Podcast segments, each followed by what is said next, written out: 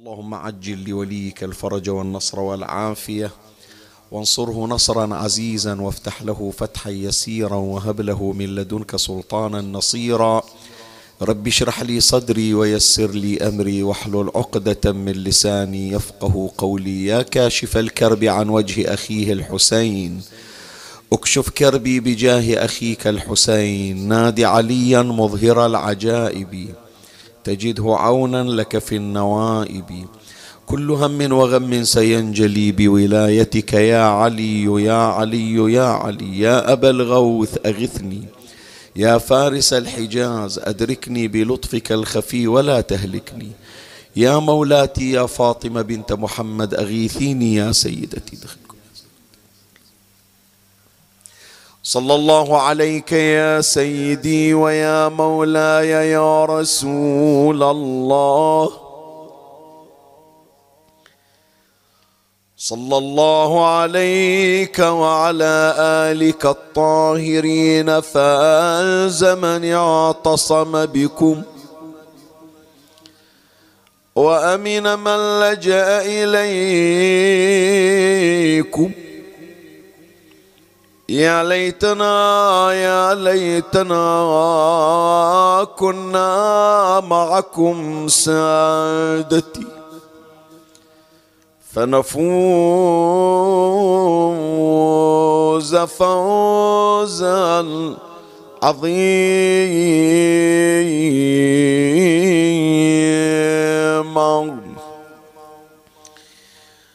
قالت سيدتنا سيدة النساء فاطمة الزهراء. صلوات الله وسلامه عليها. فأنقذكم الله تبارك وتعالى بمحمد. اللهم صل على محمد وآل محمد وعجل فرجهم. بعد اللتيا والتي وبعد المنيا ببهم الرجال وذؤبان العرب ومردة أهل الكتاب كلما أوقدوا نارا للحرب أطفأها الله أو نجم قرن للشيطان وفغرت فاغرة من المشركين قذف أخاه في لهواتها. فلا ينكفئ حتى يطأ صماخها بأخمصه ويخمد لهبها بسيفه مكدودا في ذات الله مجتهدا في أمر الله قريبا من رسول الله. سيد أولياء الله مشمرا ناصحا مجدا كادحا وأنتم في رفاهية من العيش وادعون فاكهون آمنون تتربصون بنا الدوائر. وتتوكفون الأخبار وتنكصون عند النزال وتفرون عند القتال لذكر علي والزهراء صلوا على محمد وآل محمد.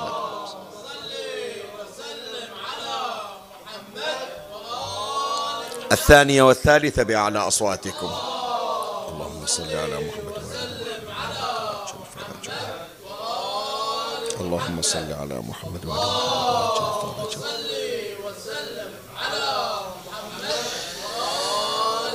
في هذا المقطع الذي قرأته على مسامعكم الشريفة وهو مقطع من خطبة صديقة النساء فاطمة عليها السلام والتي يطلق عليها عنوان الخطبة الفدكية. يقال خطبة فاطمة في المسجد ويقال الخطبة الكبرى ويقال الخطبة الفدكية. عدة أسماء. هي أبرز خطب مولاتنا الزهراء عليها السلام.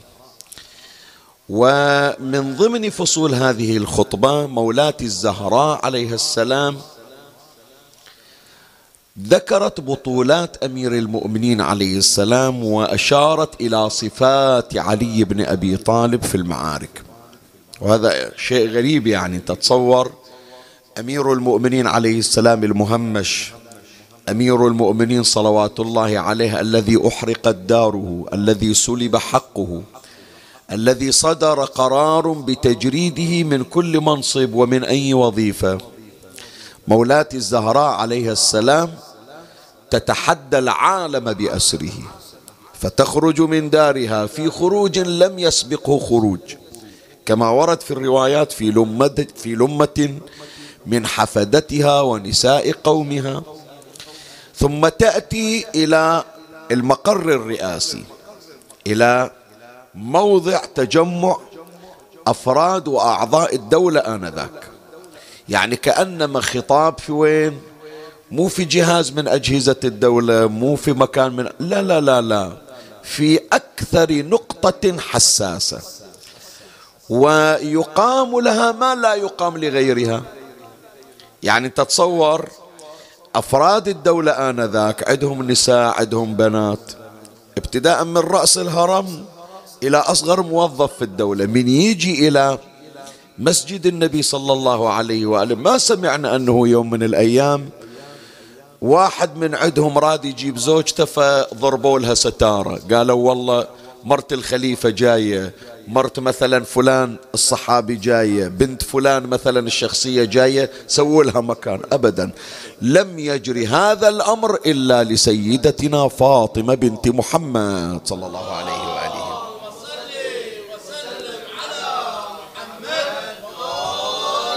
وهذه الخطوة النادرة التي قامت بها سيدتنا الزهراء عليها السلام كانت لها أغراض ومن ضمن أغراضها وأهدافها أن تذكر الناس بحروب أمير المؤمنين سلام الله عليه وتصف للناس علي بن أبي طالب إذا وقف في ميدان الحرب.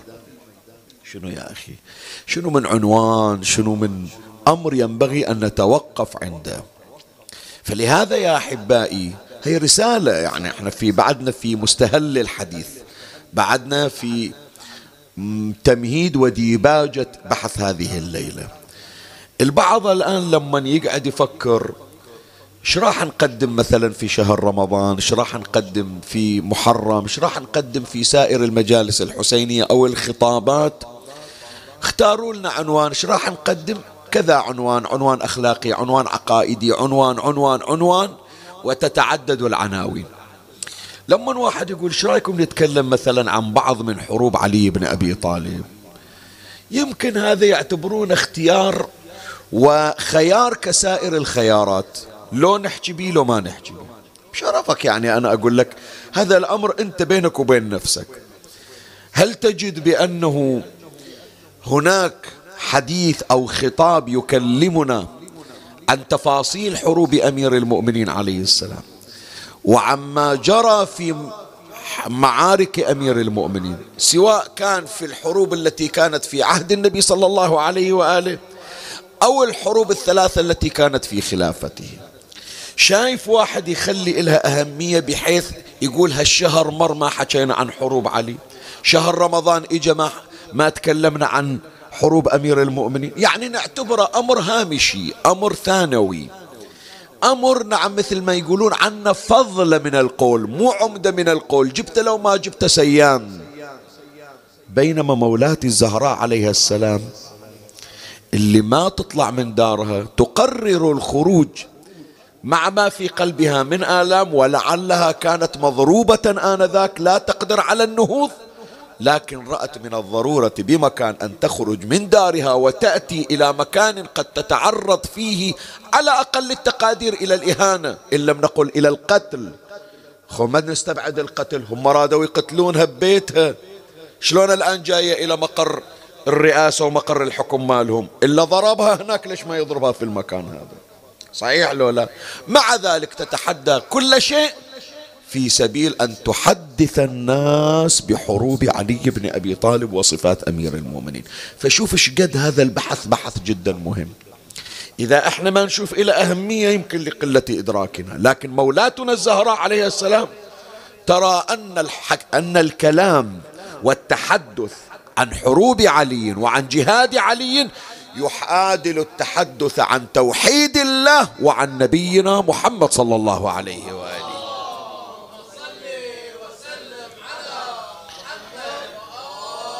هذا الكلام إشارات خليها ببالك فكر فيها الليلة مش قد هذا الأمر؟ أول فكر في أمرين. أولا هذا العنوان عنوان جهاد وحروب وضربات علي بن أبي طالب. مش قد حساسة؟ مش قد حساسة؟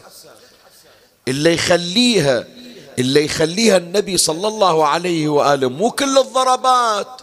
ضربة واحدة بس. ما حكى عن ضربة مرحب ما حكى عن ضربة عتبة ضربة شيبة. ما حكى مثلا عن عقر الجمل ما حكى مثلا عن ليلة الهرير كل ما حكى عنه. اختار ضربة واحدة ضربة علي.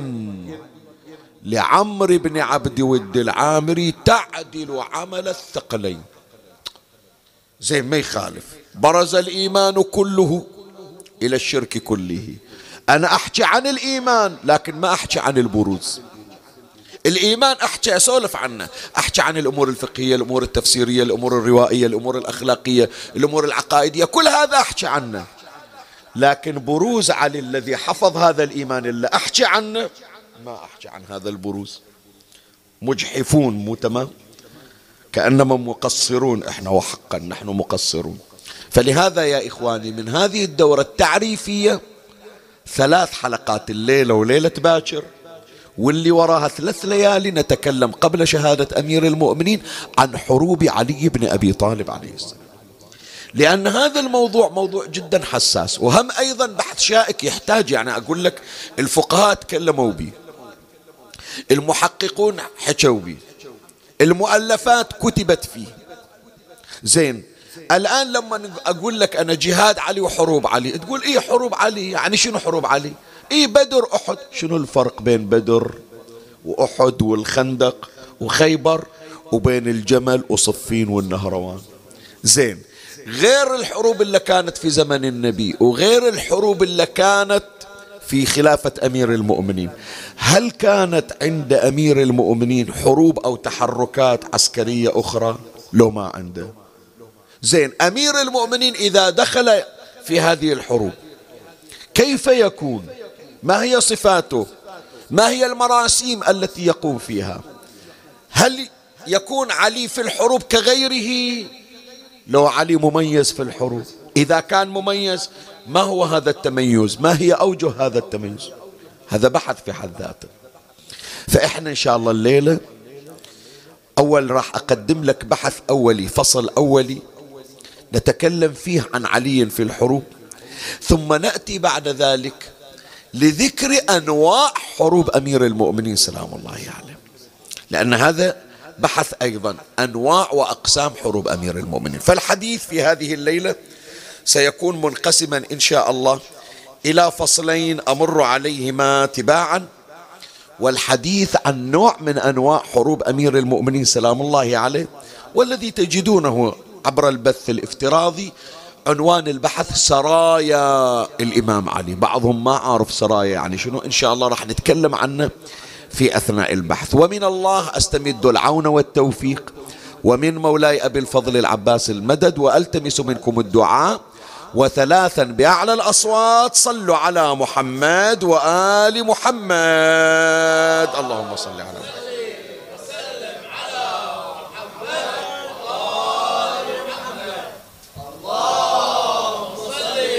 اللهم صل على محمد.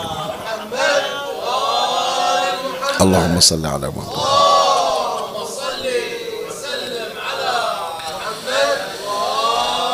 مولاي الكريم اسمعني وفرغ لي قلبك وأعرني سمعك وأقبل علي بكلك. فقط كتصحيح يعني لعله أخذني هذا سبق اللفظ. أنا ذكرت أن بحث الليلة مكون من فصلين هي ثلاثة فصول. إنصافا الفصل الثالث مشترك مع الصف الفصل الثاني. بس حتى نكون منظمين أكثر عوض أنه نجعل البحث متكدس راح نوزعه على فصول ثلاثة كل فصل مستقل بذاته. والعنوان عنوان بحث هذه الليلة سرايا الإمام علي عليه السلام. فاسمعني رزقك الله نظرة أمير المؤمنين سلام الله عليه. أما الفصل الأول نشير إلى صفات أمير المؤمنين عليه السلام في الحروب.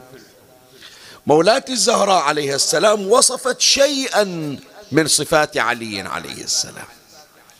قالت مكدودا في ذات الله مجتهدا في أمر الله قريبا من رسول الله سيد أولياء الله ناصحا مشمرا ناصحا مجدا كادحا. كل هذه صفات إلى أمير المؤمنين إذا دخل إلى المعارك. خلنا نشوف الصفات التي ذكرتها الروايات والتي ذكرها المؤرخون عن أمير المؤمنين إذا دخل إلى المعركة. بحيث شوف إيش قد من الشجعان موجودين. ما حصل أحد على مواصفات كما حصل عليها علي بن أبي طالب عليه السلام. والتي يعتبر بعضها من معاجز علي بل كلها من معاجز علي. أما الصفة الأولى الناس شجعان أكو شجعان. الناس عندهم قدرة وشجاعة صحيحة. طبعا الشجاعة شلون تكون؟ الشجاعة على نحوين. الشجاعة من يجون يفصلون في ترتيبها يقسمونها على نصفين على قسمين. أما القسم الأول الشجاعة البدنية.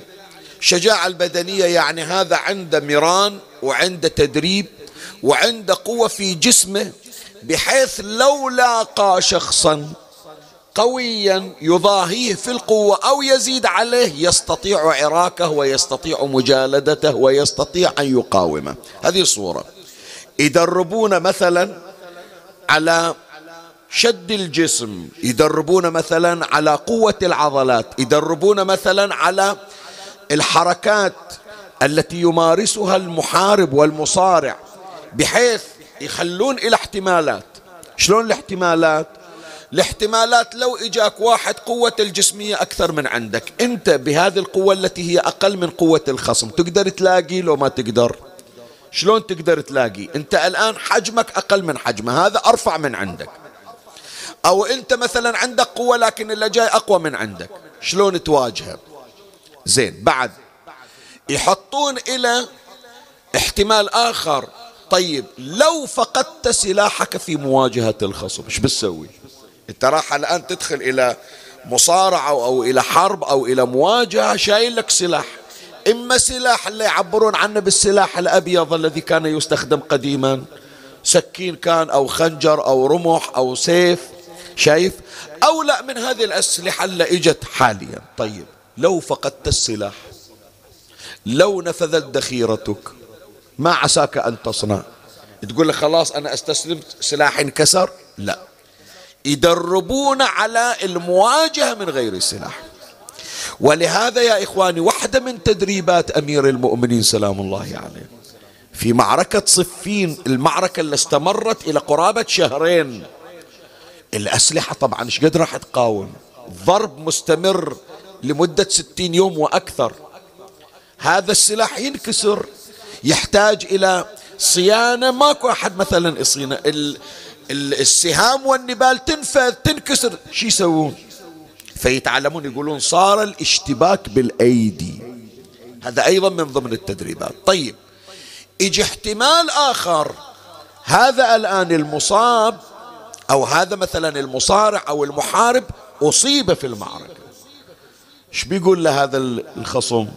يقول له بس سامحني وقف لأنه أنا مصوب أحتاج إلى جراحة روح دور واحد غيري.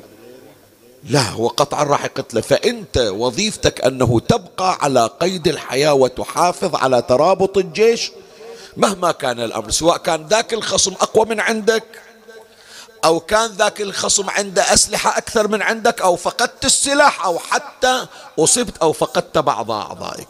فلهذا يا إخواني من نمر إحنا على بعض المواقف اللي نقراها في سير الإسلام في عهد الإسلام في صدر الإسلام وفي أزمنة أهل البيت عليهم السلام. جعفر الطيار تقطع يمينه وشماله ويحافظ على شنو؟ على اللواء.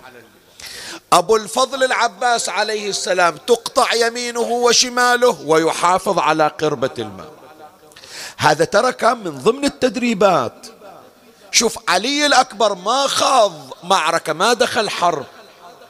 لكن معلمين أنه حتى لو أصبت شلون ترجع؟ شايف؟ هي كلها تدريبات خاصة. طيب فهذه إذا شجاعة يعبرون عنها بالشجاعة البدنية. كيف تستطيع أن تقاوم إلى الرمق الأخير؟ من أغرب ما مر علي يا إخواني في قصة مقتل الإمام الحسين عليه السلام. أحد أصحاب الإمام الحسين عليه السلام أصيب بجراحة. ترى لا تتصور كل أنصار الحسين بمجرد أن يصابوا خلاص يفارق الحياة. لا. بعضهم يقطع رأسه. بعضهم يظل يعالج. يعني يمكن طلع علي الأكبر طلع القاسم بن الحسن طلع أبو الفضل العباس وأكو من الأنصار من لا زال على قيد الحياة بعد ينزف. فلهذا يذكرون أنه بعد مصرع الإمام الحسين عليه السلام. يعني المفروض المعركة انتهت. واحد من أنصار الحسين صلوات الله عليه كان على قيد الحياة ينزف وأغمي عليه. أفاق من غشوته وإذا الأعداء يضحكون ويكبرون ويهللون لأنهم انتصروا بقتل الحسين هكذا يظنون. فشايلين راس الحسين على الرمح وفرحانين ويرتفعون ورافعين صوتهم بالتكبير. شوف موضع الشاهد وين. هذا خلاص مصوب ومضروب. انتهى. دور المفترض انتهى ثم جاي يدافع عن الحسين الحسين قتل. لا شوف إيش سوى. صار يزحف على الأرض وتناول خنجرا إلى جنبه. شو يسوي؟ هذول مشغولين. بالتكبير وبالتهليل وفرحانين بأن المعركة انتهت والحسين انقتل وهذا يزحف على بطنه. يضرب الواحد بالخنجر برجله يوقع. من يوقع؟ يقتله ويجي يزحف إلى واحد ثاني. فقتل جماعة وهو مصاب. صور مصاب. وما عنده أسلحة وما يقدر يقوم وأمام ثلاثين ألف. ومع ذلك إلى الرمح حتى اجتمعوا عليه فقطعوه إربا إربا. فإذا مر الشجاعة بالقسم الأول شجاعة بدنية. أكو شجاعة أهم من الشجاعة البدنية. شجاعة أهم من الشجاعة البدنية. شنو هذه الشجاعة؟ مو المهم إيش قد عضلات عندك إيش قد تدريبات عندك كم سلاح حامل؟ لا. وإنما كم تستعد أن كم عندك من الاستعداد لملاقاة جيش وأنت بمفردك؟ أكو واحد قوي لكن تجيه دولة مثلا عندها أسلحة نووية هو ما عنده أسلحة نووية يقول أنا أعلن أعلن انهزامي. مثل ما صار اليابان في هيروشيما وناجازاكي ألقوا عليهم قالوا ما نقدر خلاص أعلنوا استسلام تمام؟ واحد يشوف مثل يقول ما يخالف أنا أقدر أنه ألاقي لي خمسة عشرة وأنا واحد أقدر. أضرب هذا وأضرب هذا بنفس الوقت. لكن أنا مهما بلغت قوتي جايبين لي مية نفر. أقدر وحدي ما أقدر. فمن يشوف مية جايين خلاص بعد ما عنده استعداد. عنده قوة لكن ما عنده شجاعة قلبية تخليه يلاقي مئة شخص. فلهذا يا إخواني من نجي في التاريخ نشوف برز إليه رجل يعد بألف فارس. عمرو بن عبد ود العامري من طلع الأمير المؤمنين سلام الله عليه. في المرويات يعد بألف فارس بعضهم يقول بعشرة آلاف فارس. شنو يعني بألف فارس؟ تقدر تجاوبني شنو يعني بألف فارس؟ يعني عنده قوة عادل قوة ألف رجل شجاع؟ لا مو هذا المقصود. المقصود يعني لو تخليه قدام ألف رجل مستعد يقابلهم بروحه. من يقولون يعد بألف فارس يعني شنو؟ يعني ما أحتاج إلى جيش وياي. أنا وحدي فلهذا فعلا هو هذا نفسه. عمرو بن عبد ود الجيش مال المشركين في الأحزاب ما طلع. طلع هو بروحه قال يلا تحركوا كلكم أنا مستعد ألاقيكم كلكم. فهذه ما يسمونها شجاعة جسدية لا يسمونها شجاعة قلبية. فلهذا يا إخواني واحدة من التصرفات اللي يسوونها ذول الشجعان شي يسوي؟ أنا ذاك عند العرب يقولون يعرقب فرسه. شنو يعني يعرقب فرسه؟ يعني يقطع رجلين الفرس. ليش يقطع رجلين الفرس؟ يعني يقول لهم أنتم يمكن تحتملون أنه أنا إذا شفت الكثرة يمكن أنهزم. لا ما راح أنهزم. ما راح أنهزم. وهذا الفرس راح أقتله. حتى أظل إلى الرمق الأخير أدافع عن جماعتي وعن نفسي. يقولون يعد بالفارس ما أدري أولادنا يمكن ما شايفين بس أنا أدعوكم أنه تشوفونه لأن هذا الفيلم توثيقي يعني. أكو فيلم يسمونه عمر المختار سامعين عنه؟ كان في وقت من الأوقات صار. إذا تتذكرون واحدة من اللقطات اللي سووها طبعا هالشكل كانوا يسوون. دبابات الجيش الإيطالي كانت هاجمة على ليبيا. فذول المقاومون اللي كانوا ويا عمر المختار شي يسوون؟ ياخذون حبل ويربطون أرجلهم. ليش يربط رجله؟ هو يقاتل عنده مثلا كذا عند البندقية أو شيء بس يربط رجله. ليش؟ إيه يعني يقول ما أشوف الدبابة جاية وأخاف من عدها وأنهزم. أقاتل إلى الرمق الأخير. هي ما يصنفونها في الشجاعة القلبية. يسمونها لا في الشجاعة البدنية يسمونها شجاعة قلبية. طيب هذا العرض اللي قدمته لك الآن أسائلك أنا من أشجع من وجد على الكرة الأرضية؟ إيه هذا مو كلامنا كلام نبينا محمد صلى الله عليه وآله.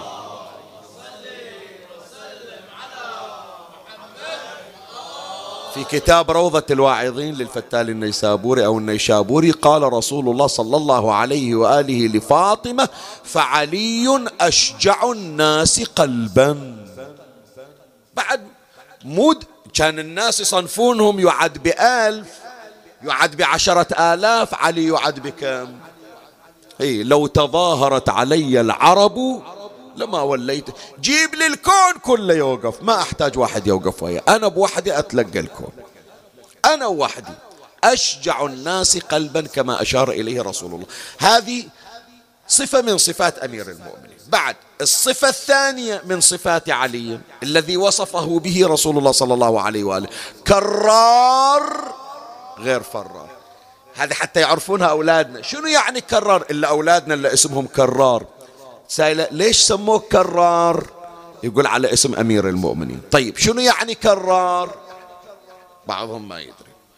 كرار مأخوذة من الكر الكر يعني الإقدام على الجيش. في قبال الكر شنو؟ فر.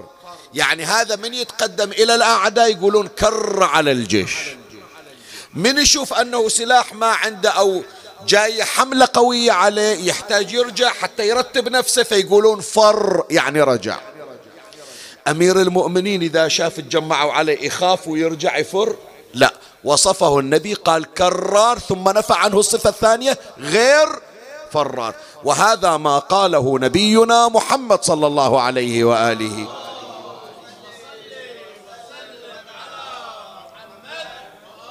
قال رسول الله صلى الله عليه وآله لأعطين الراية غدا رجلا يحب الله ورسوله ويحبه الله ورسوله كرار غير فرار يفتح على يده بالنصر. فلهذا يا إخواني شوفوا هذه بعد من ضمن المعلومات حتى من تمر عليك عبارة كرار غير فرار ترتب عليها أثر. ما دام أمير المؤمنين كرار يعني ما يرجع للوراء فإذا هل يأتي شخص من ورائه؟ سؤال أسأل. ما دام هو بس كرر يجي واحد من وراء؟ لا ما يجي واحد من وراء. فمن هذا المنطلق يا إخواني درع أمير المؤمنين درع مميز. شلون درع مميز؟ الدرع عادة اللي يخليه المقاتل المحارب عليه يحط على الجانب الأمامي طبقة ويخلي على الجانب الخلفي طبقة. يعني الدرع لابد أن يحمي الصدر ويحمي الظهر. ليش؟ حتى الآن ما دام أنا مقابل العدو ما أريد يلقي علي سهم أو يصيبني ضربة بالسيف أو بالرمح. طيب لو احتجت أني أسوي مناورة وألتف وأرد أرجع له اعطيه ظهري فيمكن الضربة تجيني بظهري فيخلي قطعة ثانية تقي ظهره. زين أمير المؤمنين قلنا كرار شنو؟ غير فرار. فإذا غير فرار هل يحتاج إلى درع في ظهره؟ لا ما يحتاج إلى ظهر. إلى ظهره ما يحتاج إلى ظهره أنه يخلي عليه درع. فمن هنا يقولون أنه اجى ابن عباس يريد يشد الدرع يقول له أبو حسين راح أخلي لك قطعة؟ قال له ليش تخلي قطعة بعد؟ قال خليها على الظهر. قال له ما أحتاجه. يحط قطعة على ظهره الا راح يفر وأنا قال عني النبي كرار غير فرار قال له زين ما يخالف حتى لو ما رجعت إلى الوراء. خاف ذولا يلتفون عليك يسوون مناورة. يعني مو بالضرورة أنه يجون يقابلونك جبناء فيروحون يحاوطون عليك ويجون من. قال لا أبقى الله عليا إن جاءوا إلي من خلفي. إيه. فن فن واحد اللي يقدر. يقول أنا من أقدم مو بس أطالع اللي قدامي. هذا كل الأفق أفق المعركة كلها. ما أخلي واحد يجي ويصل فمن هنا حينما وضع علي يحضر قلبك إلى الليالي القادمة. حينما وضع علي على المغتسل وجدوا في جسده الشريف ألف ضربة وطعنة. الضربة على الضربة والطعنة على الطعنة شوف الوصف وكلها في مقدم بدنه. ظهره ولا خدشة موجودة ليش؟ لأنه كرار. غير. نعم لو فر علي بتجي طعنة رمح أو رمية سهم بس علي غير فرار. فإذا هذا الوصف الثاني كرار غير فرار. الوصف الثالث اسمع هذا كله شوف البحث هذا يمكن أجمل مقطع في بحث الليلة. هذا المقطع. ضرباته أبكار. من تجي تقرأ في سيرة أمير المؤمنين عليه السلام يوصفون بأن ضربات أبكار. خلني أنقل لك النقل اللي ذكروه بعض المؤرخين. قالوا كانت ضربات علي مبتكرات لا عوان. أعيد العبارة واحفظها لأني راح أشرحها. كانت ضربات علي مبتكرات لا شنو؟ لا عوان. عوان يعني شنو عوان؟ هذا اللي يجي يقاتل. ليش؟ خلنا خلنا الآن سالفة القتال والضرب بالسيف وغيره. خلنا نجي للمصارعة اللي نسمع عنها أو هذه المواجهة اللي تصير. هل هذا المصارع في حلبة الصراع كل ضرباته ضربات قاس قاضية؟ شو تقولون؟ لا لو ضربة قاضية من أول مرة كان قضت على المواجهة. بس هو يظل يدافع يدافع يدافع إلى أن تجي ضربة اللي توقع الخصم. صحيح لو لا؟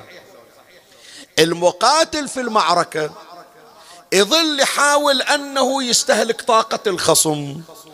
يضربه ويصد الضربة يضربه ويصد الضربة يحاول يضربه على رجله يحاول يضربه على كتفه يحاول يضربه على راسه يحاول يضربه بصدره وهو ذاك يتقي. فالضربة الخاطئة الضربة الطائشة الضربة اللي ما كانت مقصودة أو ما إجت مثل ما يريدها الضارب وتسبب خدش تسبب جرح لكن ما تقتل يسمونها عوان. شلون يعني؟ مثلا هذا قام يحرك السيف اجى السيف خدش. وجه المقاتل مثل ما يقولون مالك الأشتر. ليش مالك الأشتر سموه؟ لأن السيف اجى وشتره ما قطع رأسه بس اجى الضربة خاطئة يسمونها ضربة عوان. شو تقولون يا جماعة؟ علي بن أبي طالب عنده ضربة خاطئة؟ رد علي خلي أسمع. عنده ضربة ما تصيب عدل ضربة بالغلط مثل ما نقول إحنا؟ لا. إيه فمنه قسيم الجنة والنار ذيك مالت الجنة والنار. لا بس في المعركة الضربة مالته خلاص. يسمونها ضربة بكر أو ضربة مبتكرة بحيث ضربة علي بعد خلاص ما يحتاج أنه يثنيها. خلي أنقل لك الوصف اللي ذكره وراح نجي إلى الوصف الرئيسي. أول وصف قالوا كانت ضربات علي مبتكرات لا عونا أو لا عوان. أي أن ضربته كانت بكرا يقتل بواحدة ولا يحتاج إلى ثانية. ضربة واحدة خلاص تنتهي. بعد الضربة العون قال المختلسة التي تحتاج يعني هي جايبة بالغلط لازم تضرب ثنتين وثلاث يلا تأدي الغرض. هذه يسمونها عون. ما عند علي. ضربة عون. بعد قالوا اسمع الوصف هذا اللي يذكرونه حاول تحفظه. إذا اعتلى قد شوية راح أقراها على راحة حتى تركز بالمفردة. إذا اعتلى قد وإذا اعترض قط وإذا أتى حصنا هد. شنو يعني إذا اعتلى قد إذا اعترض قط إذا قصد حصنا هد؟ إذا إجت الضربة بالطول. اي أحسن. قد يعني ماخوذة من الطول. فضربة علي تشق الفارس أمامه إلى قطعته. والغريب يا إخواني شوية هذه ما يخالف خلي هاي الورقة على كتر. صارت قبل أتصور ما أدري 260 سنة هالحدود قرابة 260 سنة لعله. أقل أكثر أقل أكثر بهالحدود حتى الآن ما أضبط التاريخ. صار هناك هجوم للنواصب على النجف الأشرف والنجف الأشرف كان عليها سور اللي الآن بالنجف يسمعونه يعرفون بقايا السور يسمونه سور النجف. خمسة أسوار كانت على النجف. فمن إجوا ذولا النواصب أعداء أمير المؤمنين إلى النجف شنو كانت نيتهم؟ نيتهم اللي الآن طلعت الصرخي سامع انت قصة الصرخي هالايام صرخي شو يريد يسوي؟ يريد يهدم القبر هو مو بس ترى يهدم القبر حط بالك. الصرخي لو صدق إجا وح... وابدا حاشا مرقد علي أن يصله أمثال الصرخي لو إجا مو بس يهدم قبة أو لا. إذا جسد علي موجود هو بباله يطلع الجسد ويضرم فيه النار. هذه قالها إلك يريد يهدم القبر. هي هدم القبر مجرد مقدمة. لأنه سبق الصرخي أيضا صرخيون. إجوا نواصب قبل 200 وكسور سنة حوطوا النجف قالوا إلنا نية نهدم قبر علي ونطلع جثمان علي ونضرم النار في جسد علي بن أبي. وقفوا المراجع ووقفوا العلماء ووقفوا أهل النجف للدفاع عن أمير المؤمنين سلام الله عليه. وسدوا الباب حتى يوم الثاني تجي المعركة. زين. آية الله شيخ جعفر كاشف الغطاء السادة القزاونة اللي كانوا بالنجف والمجموعة المراجع. فهو صاح الصايح وراهم الجيش حلق على سور النجف. وقال لهم عدكم الباكر. وإحنا ننصحكم يلا انسحبوا من الليلة اللي يطلع الآن ما راح نتعرض إليه اللي ينسحب الليلة ما راح نتعرض إليه باكر راح نهجم على النجف إلا راح نشوف نقتله. ونجي إلى قبر علي. ونهدم قبر علي ونستخرج جسد علي ونضرم النار في جثمان علي. فواحد من المؤمنين راح إلى ضريح أمير المؤمنين سلام الله عليه. وقال هذه الكلمة إلا إلى الآن شوف إلى الآن بالهوسات من كم؟ 260 سنة أكثر أقل. وإلى الآن إحنا نكررها. أنت حماي الحمى وتريد لك حماي. يعني تاليها يا أبو حسين إحنا اللي نحتمي بيك إحنا جايين ساكنين بالنجف حتى نحتمي بيك. اليوم تريد نحن نحامي عنك. قوم أبو حسين. ففي اليوم التالي لم يسمعوا صوتا لهؤلاء النواصب. كانوا يسمعون طول الليل أصوات خيولهم أصواتهم. يوم الثاني من الصبح ماكو صوت. فتحوا باب السور طلعوا. وإذا من جاءوا قاصدين السوء لقبر علي مقطعين قطعتين. شافوا القطعتين مخت... شوف ليش راح نرجع للعبارة الآن؟ إيش جيبها هذه؟ يجوني لواحد مكسوس بالنص طولا. طيب القطع لا هذا زايد جابوا إلهم مقياس. لا هالقسم زايد على هالقسم لا هالقسم زايد على هالقسم. هالقسم قد هالقسم. ثم الضربة المفروض هذا المقطوع يكون دم. لا هذا مثل المحروق كأنما القاطع أو أداة القطع نار. زين. المضروب عرضا مقطوع عرضا القسم العلوي قد القسم السفلي. فمن إجوا العلماء قاسوا الضربات قالوا هذه ضربات أمير المؤمنين علي بن أبي طالب سلام الله عليه.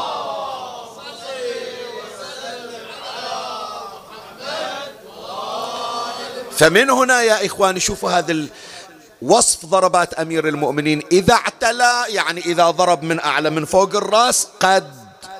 وإذا اعترض يعني ضرب بشكل عرضي قط. يعني قطع بالنصف. وإذا أتى حصنا بعد ما يجي يدق الباب مثل خيبر لو تفتحون له هذا الحصن أهدم عليكم. هذا علي بن أبي طالب سلام الله عليه. ووصفه زين. هي وصفات المؤرخين. خلنا نشوف وصف أعظم المخلوقات وسيد الخلق والبشر وهو نبينا محمد صلى الله عليه وآله.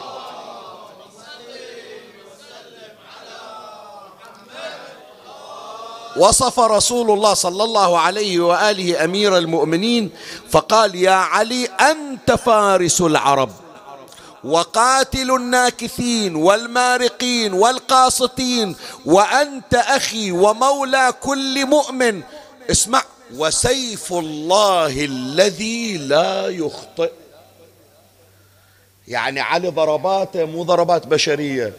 ضربة الله إجت على يد علي بن أبي طالب عليه السلام. شو تقولون؟ ضربة الله تغلط؟ ضربة الله قاصرة؟ علي ضرباته ضربات الله تبارك وتعالى. فلهذا قال نبينا صلى الله عليه وآله وسيف الله الذي لا يخطئ. هذا سيف الله. علي بن أبي طالب سلام الله عليه. زين هي صفة ثانية. الصفة الصفة الثالثة ذكرنا. أول صفة أشجع الناس قلبا. ثاني صفة ضرباته أبكار. ثالث صفة ثاني صفة كرار غير فرار. ثالث صفة ضرباته أبكار. رابع صفة هيبة علي في الحروب. هيبة علي يا إخواني مو إذا شافوا الضربة يخترعون. لا إذا سمعوا باسم علي بن أبي طالب. بحيث أن الرعب ما ينتظرون يلا يشوفون تالي يقيمون ضربات علي ويخافون من عنده. لا. اسم علي قبل نظرات علي تدخل الرعب في قلوب أشرس خلق الله. شلون؟ قال وصفوا أمير المؤمنين يذكرها العلامة المجلسي في الجزء الواحد والأربعين. قال سموه يوم بدر سموه يوم بدر لعظم بلائه ونكايته بالموت الأحمر. يسمون علي الموت الأحمر. شوية راح أذكر لك هذه العبارة. أول أوصفها لك بعدين أجيب لك النص اللي ذكره ابن أبي الحديد أحد علماء السنة ابن أبي الحديد المعتزلي في شرح نهج البلاغة. أشجع العرب آنذاك. طبعا خلي أمير المؤمنين على كتر على شرفه. بس عند العرب معروف شجعان. عنترة معدود من شجعان العرب. واحد من أشجع العرب عمرو بن معدي كرب الزبيدي. من يجيبون اسمه يعرفونه من أقوى العرب ومن أكثرها شجاعة. صار بينه وبين عمر بن الخطاب مناكفة. صار يهدد عمر بن الخطاب. ويتهدد ويقول له راح تشوف إيش راح أسوي وكل ما رسل إليه يتحدى. فعمر كتب كتاب إلى أشجع العرب آنذاك عمرو بن معدي كرب الزبيدي. خلي أقرأ لك كتاب عمر إله وذاك إيش فهم من الكتاب. ابن أبي الحديث في شرح النهج يذكرها. قال عمرو بن معدي كرب الزبيدي وهو شجاع العرب الذي تضرب به الأمثال. كتب إليه عمر بن الخطاب في أمر أنكره عليه وغدر تخوفه منه خايف عمر من عمرو بن معدي كرب. فكتب إلى هذا الكتاب يخوفه قام و... قال والله قال أما والله لئن أقمت على ما أنت عليه لأبعثن إليك رجلا. تستصغر منه نفسك. يضع سيفه على هامتك فيخرجه من بين فخذك. ما عطى الاسم؟ قال راح أودي لك واحد. بعد ما يطولها وياك. من يحط السيف من يوصل لراسك احسب مقصوص انت نصين. فمن وصل الكتاب إلى عمرو بن معدي كرب الزبيدي قال ولما وقف على الكتاب قال هددني بعلي والله. لأن ماكو واحد يدخل اسم الرعب في قلب خصومه إلا علي بن أبي طالب سلام الله عليه يعني.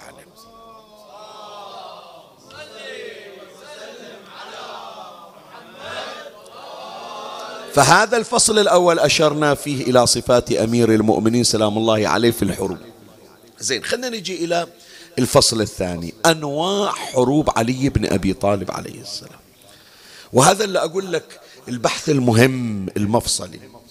حتى تكون ثقافتنا ثقافة علوية. انت تسمع طبعا علي صاحب الجهاد في الحروب. طيب بين لي شو الحروب هذه؟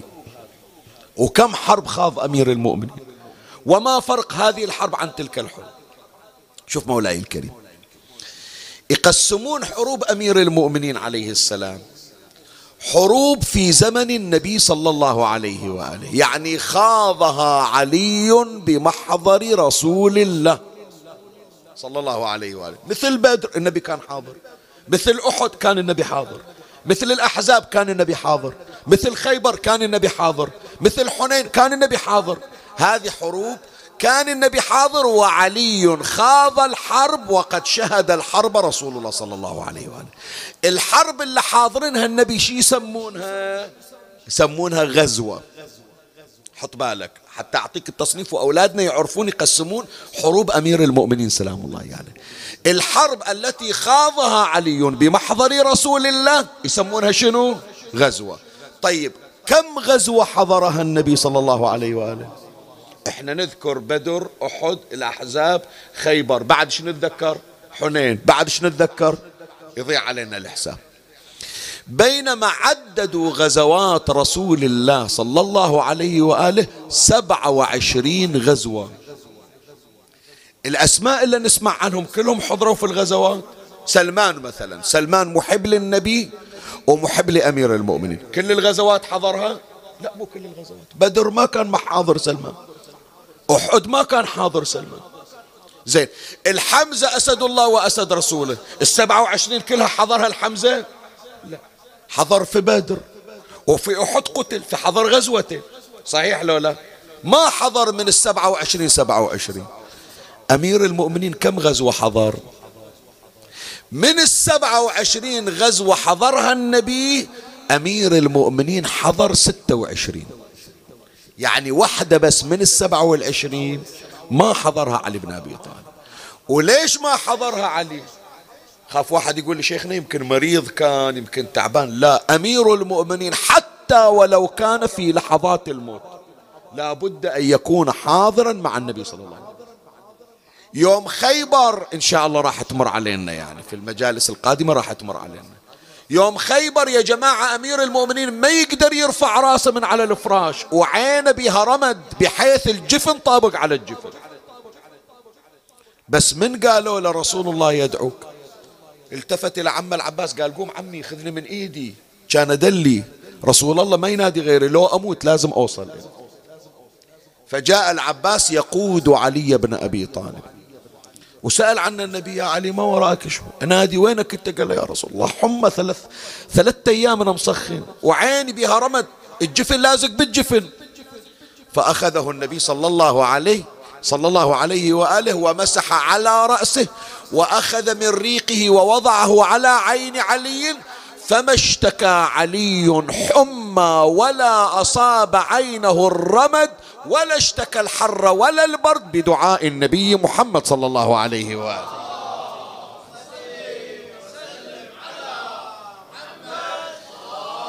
فإذا أمير المؤمنين لو الموت موجود وياه ما يخلي الحروب. ليش هي الغزوة الأخيرة؟ ما حضرها علي. وأي غزوة هي؟ آخر غزوة من غزوات النبي وهي غزوة تبوك. علي ما حضرها. ليش ما حضرها؟ بأمر من رسول الله صلى الله عليه وآله. النبي قال له يا علي كنت تبقى. أنا راح أطلع وراح أتأخر. وعندي زوجات وعندي بنت فاطمة فأنا ما يصير أخلي أجنبي هو اللي يباشر زوجاتي. ولا أخلي واحد أجنبي يوقف على باب بيت فاطمة. فيكون أنت تبقى. فامتثل أمير المؤمنين لكلام رسول الله صلى الله عليه وآله. قال يا رسول الله خلاص راح أبقى. أكو بعض القلوب السوداء إيه اللي شايلينها من بدر من أحد. لا فتى إلا علي لا سيف إلا ذو الفقار. هذه حارقة قلوبهم. برز الإيمان كله إلى الشرك كله. هذه جمرة بقلوبهم. يفتح الله على يدي. كلهم كلهم مقهورين. يقولون متى يجي ذاك اليوم إلا علي ما يطلع. حصلوها الآن. علي ما طلع. فقاموا ينشرون الخبر. تدرون ليش ما طلع علي؟ قالوا ليش ما طلع علي؟ قال أولا رسول الله مستثقل إنه ما يحب يشوفه. فقال له اقعد ما أحب أشوفك وياي. ثانيا لأنه ضعيف لو لو يجينا إيش راح يسوي علي؟ إيش راح يسوي علي؟ بن ابي طالب يأذينا بس بوقفته. شلون الآن يقولون لا يهش ولا ينش؟ هذا علي لا فتى إلا علي عندهم لا يهش ولا ينش هذا اللي أحكي لك. طبعا مفاد الرواية راح الآن أبين لك أنا أجيب بس العبارة حتى توصل إليك الفكرة. فأمير المؤمنين سلام الله عليه من سمع كلمات المنافقين أخذ سيفه وطلع إلى النبي صلى الله عليه وسلم. قال له قبل لا تمشي يا رسول الله أول خلي يعرفون منو علي وليش باقي علي في المدينة. خلي أقرأ لك الرواية التي يذكرها العلامة المجلسي. قال لما خرج رسول الله صلى الله عليه وآله إلى غزاة تبوك خلف علي بن أبي طالب عليه السلام على أهله وأمره بالإقامة فيهم فأرجف المنافقون وقالوا ما خلفه إلا استثقالا له. ما يحب ثقيل على قلب علي. إلا استثقالا له. وتخفيفا منه ما يفيدنا بالمعارك. فقال هذا ما يجي أفضل لو يجي ما راح يسوي شيء راح يكلف علينا. وتخفيفا منه. فلما قالوا ذلك أخذ علي بن أبي طالب عليه السلام سلاحه ثم خرج إلى رسول الله صلى الله عليه وآله وهو نازل بالجرف منطقة. فقال يا رسول الله زعم المنافقون أنك إنما خلفتني تستثقلني. مثل ما نقول إحنا ثقيل دم على قلبك أنا. تستثقلني وتخفف مني لأنه أنا ما إلي لزمه بالحروب مثل ما يقولون وتخفف مني. فقال كذبوا. النبي الآن يقول كذبوا ولكني خلفتك لما تركت لما تركت ورائي فارجع فاخلفني في أهلي وأهلك. ألا ترضى يا علي أن تكون مني؟ بمنزلة هارون من موسى إلا أنه لا نبي بعدي. فرجع إلى المدينة ومضى رسول الله محمد إلى سفره.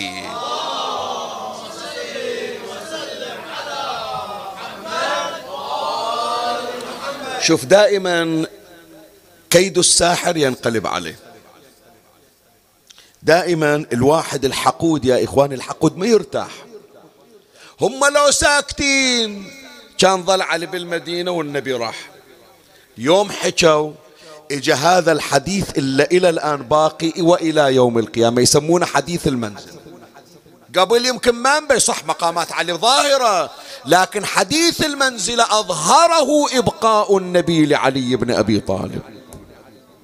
إلا أنه لا نبي بعدي. فإذا واحدة من الحروب يا إخواني من أنواع حروب علي بن أبي طالب. يسمونها الغزوات يعني حروب شهدها رسول الله وخاضها علي عليه السلام بحضور رسول الله صلى الله عليه وآله. طيب عندنا نوع آخر من حروب أمير المؤمنين. هذه ما كانت في زمن النبي كانت في زمن خلافة علي بن أبي طالب. كم حرب ثلاثة حروب. يسمونها حرب الجمل أول حرب. تتصور تصور بالله عليك خمس سنين ثلاث حروب بخمس سنين. واحدة من المعارك هذه معركة الجمل حرب الجمل ثلاثين ألف نسمة شهيد. ثلاثين ألف نسمة ذولا قتلى ضحايا الحرب. احسب من ثلاثين ألف كم زوجة عندهم كم يتيم عندهم كم بيت كم عائلة ظلت. هي بخمس سنين.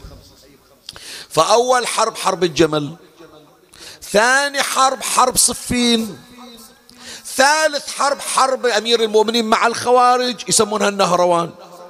وبعد خلصت النهروان ويحضر أمير المؤمنين إلى الرجوع لحرب صفين لأنهم بعدهم عدوا العود فخمس سنين ما خلوا علي يشتغل. خلوه مشغول بالحروب. ومع ذلك ملأ علي الكون بخيراته بعدله بعطائه. وهذه الحروب الثلاث إن شاء الله طبعا راح نخصص لها محاضرة خاصة. إن شاء الله ليلة 18 نتكلم عن الحروب في خلافة علي بن أبي طالب لكن أخبر عنها رسول الله صلى الله عليه وآله. قال لأم سلمة اشهدي على أن عليا يقاتل الناكثين والقاسطين والماركين والمارقين. الناكثين حرب الجمل اللي نكثوا البيعة. القاسطين ذول الظلمة اللي أخذوا حق علي. وهم أهل الشام. حرب صفين. المارقين الذين مرقوا من الدين خرجوا من الدين وهم الخوارج. حرب النهروان هذا إذا نوع ثاني. حروب لعلي بن أبي طالب بعد رحيل رسول الله خاضها أيام خلافته. حديث هذه الليلة. حط بالك. فيما تبقى خلاص إحنا الآن كملنا مجلسنا إن شاء الله. النوع الثالث اللي قليل أحد يذكره. قليل أحد يتعرض إليه شنو هو؟ يسمونها سرايا علي بن أبي طالب. مو معارك مو غزوات مو حروب يسمونها سرايا. سرايا جمع مفردها سرية. يقولون خرج علي في سرية. بعث النبي عليا في سرية. السرية شنو؟ السرية كتيبة قبل المعركة. أحيانا مهمة يطرش النبي صلى الله عليه وآله مجموعة ككتيبة. إما يروحون يقاتلون إما يروحون يستطلعون أما يروحون يبلغون أما يروحون يأدون مهمة يسمونها سرية. ليش سموها سرية؟ لأنها لأنها سرية يطلعونهم بالليل. الحركة بالليل يقولون شنو؟ يسري ليلا فيسمونها سرية. هذا مع الأسف يا إخواني إلا قليل التاريخ يتعرض إلها لعلي وظلم التاريخ أمير المؤمنين. وحقك. إيه شوف يذكرون بطولات علي في بدر يذكرون بطولات علي في أحد يذكرون بطولات علي في الخندق يذكرون بطولات علي في حنين. وعلى مضض ترى ترى بالعزيز عليهم يقولون تدري قلع باب خيبر ما يقولون علي بن أبي طالب إلا قلع يقولون غيره. ما يرضون. زين يريدون يشطبون بطولات أمير المؤمنين. سريات لعلي كانت فيها بطولات. هذه واحدة من عندما نقرأ والعاديات ضبحة. شنو العاديات ضبحة؟ هذه سورة لعلي بن أبي طالب عليه السلام.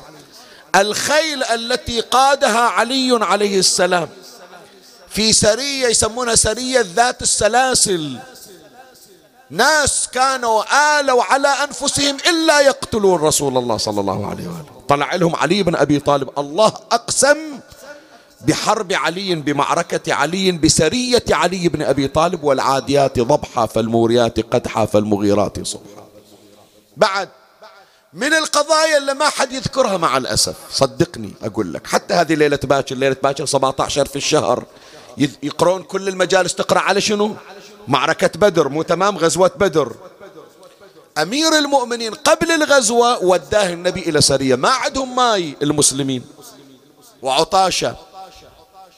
النبي أرسل علي بن أبي طالب ويا جماعة من المسلمين. قال لهم تروحون تجيبون لنا ماي.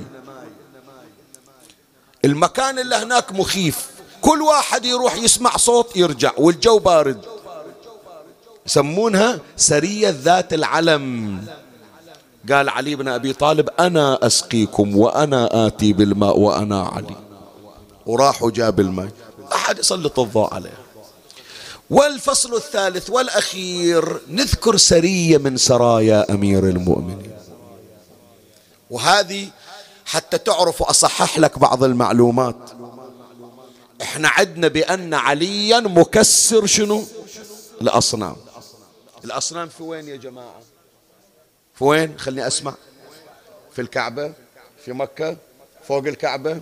بس هذه الأصنام؟ لا يا جماعة هي لا تسمعون عنها رموز للأصنام. الأصنام هذه اللي موجودة في الكعبة كم عددها؟ 360 صنم. ليش 360 صنم؟ على عدد القبائل. كل قبيلة عندها صنم. وين حاطين صنمهم؟ في الكعبة. زين القبيلة تجي تحج وترجع. إذا رجعت إلى ديرتها ما عندهم رب يعني يسجدون إليه ما يسجدون إلا, إلا إذا جو مكة؟ لا. حاطين الصنم مالهم حتى إذا إجوا للكعبة يكون يتعبدون عن ذيك عن ذيك عند ذاك الوثن عند ذاك الصنم. ومن يرجعون إلى بلدهم عندهم معبد وعندهم كل صنم هناك. كل قبيلة عندها صنم هناك. فعلي أول ابتدأ بتكسير الأصنام في مكة. زين والأصنام اللي موجودة في القبائل؟ من الذي كسرها؟ كسرها علي بن أبي طالب. وتكسير الأصنام اللي في المناطق يا إخواني أكثر خطورة من تكسير الأصنام اللي في مكة. إلا في مكة صعد علي على كتف رسول الله وألقى الأصنام والله فاتح للنبي. زين الآن علي راح يطلع يدور على الجزيرة العربية ويكسر الأصنام. احتمال يطلعون يواجهونه فإذا معارك خاضها علي لتكسير الأصنام. من هنا يا أحبائي اللي تتابعون حطوا هذه المعلومة عندكم. من تقول أنه من كرامات علي من معاجز علي تكسير الأصنام. تكسير الأصنام مو أدفع صنم وأطيحه. تكسير الأصنام يعني خاض علي حروبا من أجل تكسير الأصنام وإعلاء كلمة لا إله إلا الله محمد رسول الله.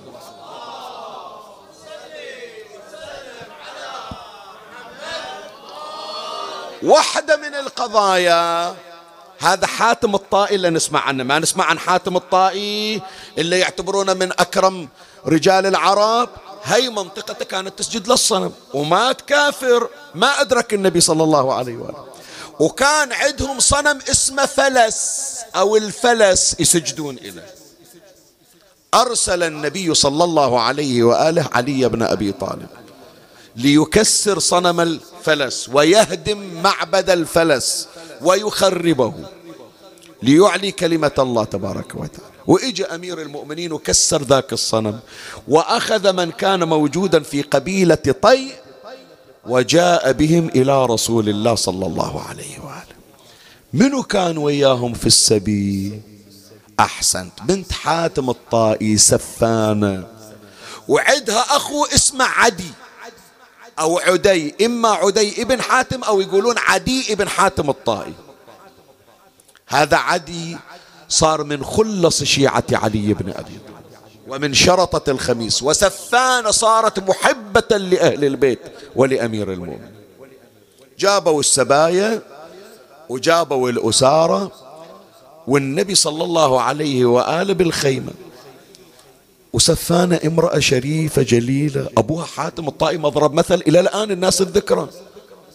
والآن جايبينهم سبايا والحبل في أيديهم. فهي تصيح تريد واحد بس يلتفت إلها. تقول ما يخالف شرف أبويا شرف عائلتنا. مر أمير المؤمنين سلام الله عليه. هي سفانة التفتت إليه قالت لعلي أنت اللي جبتنا إلى المدينة. إجيت لبلدنا وطلعتنا وأخذنا سبايا وجبت غنائمنا. بس إحنا أشراف ترى. ما يخالف مشركين بس أشراف. قال إذا خرج عليكم رسول الله فكلمي. النبي نبي الرحمة. وشوفي نبي الرحمة شي يسوي. فشوية طلع النبي بينما هم كذلك وإذا برجل قد خرج من فسطاطه كأنه الشمس الضاحية في السماء الصاحية وأضاءت الدنيا بنور وجه نبينا محمد صلى الله عليه واله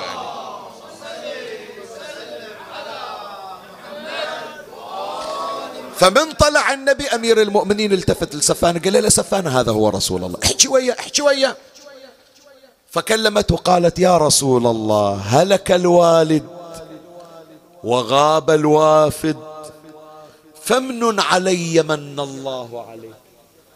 زين هلك الوالد عرفنا أبوك مات الوافد منو اللي غاب؟ قالت أخويا عدي. سمع جاي علي بن أبي طالب وانهزم راح إلى الشام. وإحنا سبونا وجابونا بعد ما ظل عندي أحد أبويا مات أخويا غايب.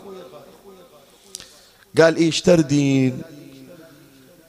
قالت أقول لك إيش أريد. إحنا ترى ناس أشراف يضربون بينا المثل. خلي أقرأ لك عبارته. قالت يا محمد إن رأيت أن تخلي عنا ولا تشبت بنا أحياء العرب. أنا مو والله أخذوا من عندي كم شاة أو كم بعير. باكر إلا الناس تحلف باسمنا. ماكو بيت أكرم في العرب من بيت حاتم الطائي. تالي يقولون ودوهم سبايا شلون أجاوب الناس؟ شلون أرفع رأسي بوجه الناس؟ فقالت يا محمد إن رأيت أن تخلي عنا ولا تشمت بنا أحياء العرب. فإني ابنة سيد قومي وإن أبي كان يحمي الذمار. ويفك العاني ويشبع الجائع ويكسو العاري ويقري الضيف ويطعم الطعام ويفشي السلام. ولم ولم ير الطالب حاجة قط. قال هذا منو أبوك إلا كل هذه الأخلاق والصفات عنده؟ مضرب مثل منو أبوك أنت قالت أنا سفانة بنت حاتم الطائي. فلما سمع النبي صلى الله عليه وآله قال لها يا جارية هذه صفة المؤمن حقا. لو كان أبوك مسلما لترحمنا عليه. على هالأخلاق لو كان مسلم كان نذكره ونترحم عليه. لو كان أبوك مسلما لترحمنا عليه. خلوا عنها. فإن أباها كان يحب مكارم الأخلاق. صح أبوها كافر يسجد للصنم لكن لأنه يحب مكارم الأخلاق خلوها تروح. قالت يا رسول الله زين ما يخالف خليتني. أرجع إلى ديرة خالية ما بها أحد. أهلي كلهم سبايا نسواني كلهم سبيات. قال وأطلقوا أهلها كرامة لها. كلهم ذولا خلي يرجعون. على حسابها هي. قالت زين يا رسول الله. أهلي يرجعون. بعد ما ظل عندنا شيء. غنايمنا حلالنا متاعنا كل النهب كل انسلب قال وردوا عليهم ما سلب منهم. إي والله كرامة لأبي. خلوها ترجع راسها مرفوع. الناس قاموا يطالعونها. سفانة قد عزيزة انتي سفانة قد غالية انتي الله حفظ سترنا الله حفظ أموالنا. من إجيتي وقلتي أنا بت قالت لا والله مو أنا. بس هذا هالوجه هذا النوراني نبي الرحمة. لو واحد غيره لا اهتم لا بحاتم ولا بغير حاتم. التفتت للنبي قالت له يا رسول الله اللي سويته جميل ما أنساه. وبالفعل شوف شلون ردت الجميل. ردت الجميل هي وأخوها قالوا ماكو ما نحصل واحد أشرف من محمد.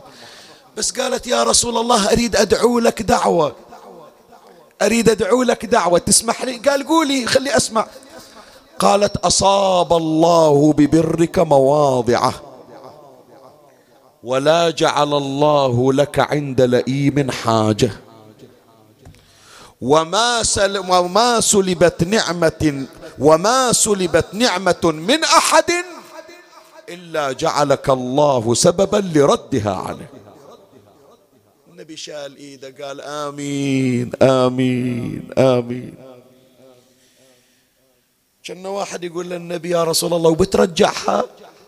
قال رجعها هي بأموالها بأهلها بعشيرتها؟ قال رجعها إيه ليش عاد؟ قال شريفة بالتشراف الشريفة بنت الأشراف ما تمشي سبية ولا يوقفونها بين الأجانب. عمي لا انضربت ولا أحد شتمها لا علي ضربها ولا شتمها. هي بس هالوقفة وحفظ شرفها النبي ودار باله عليها علي.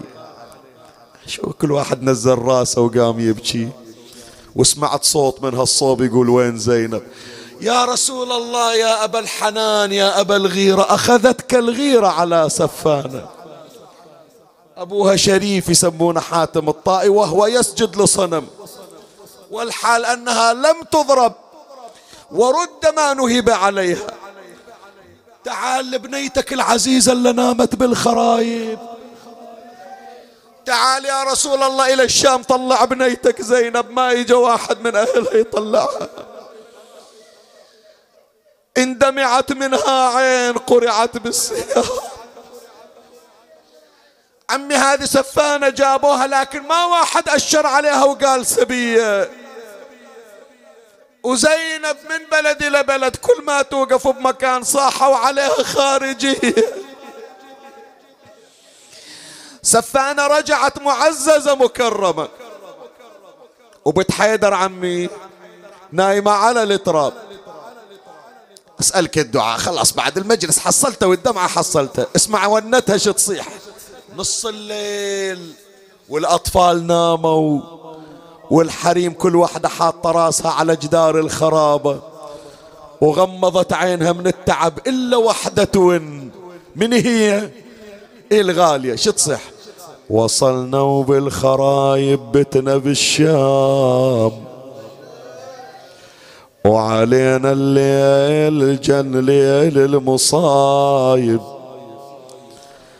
وكل ساعة أحس الدق على الباب أثار باب ما فيها الخرايب.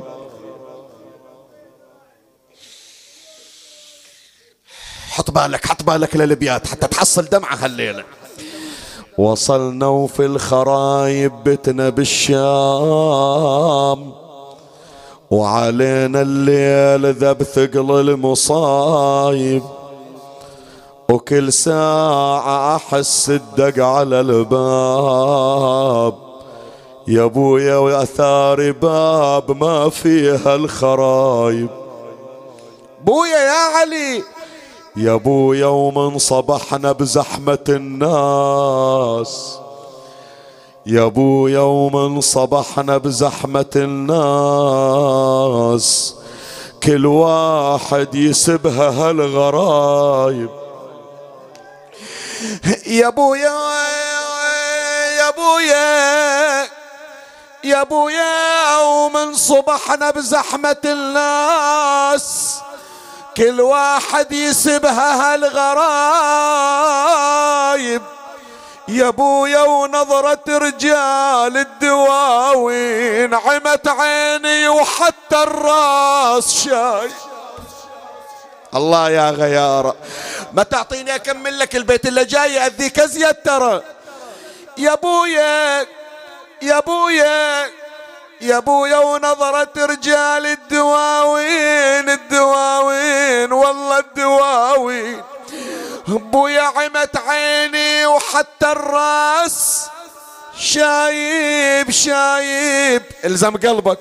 يا أبويا ومن ضحك جاوبت مروان.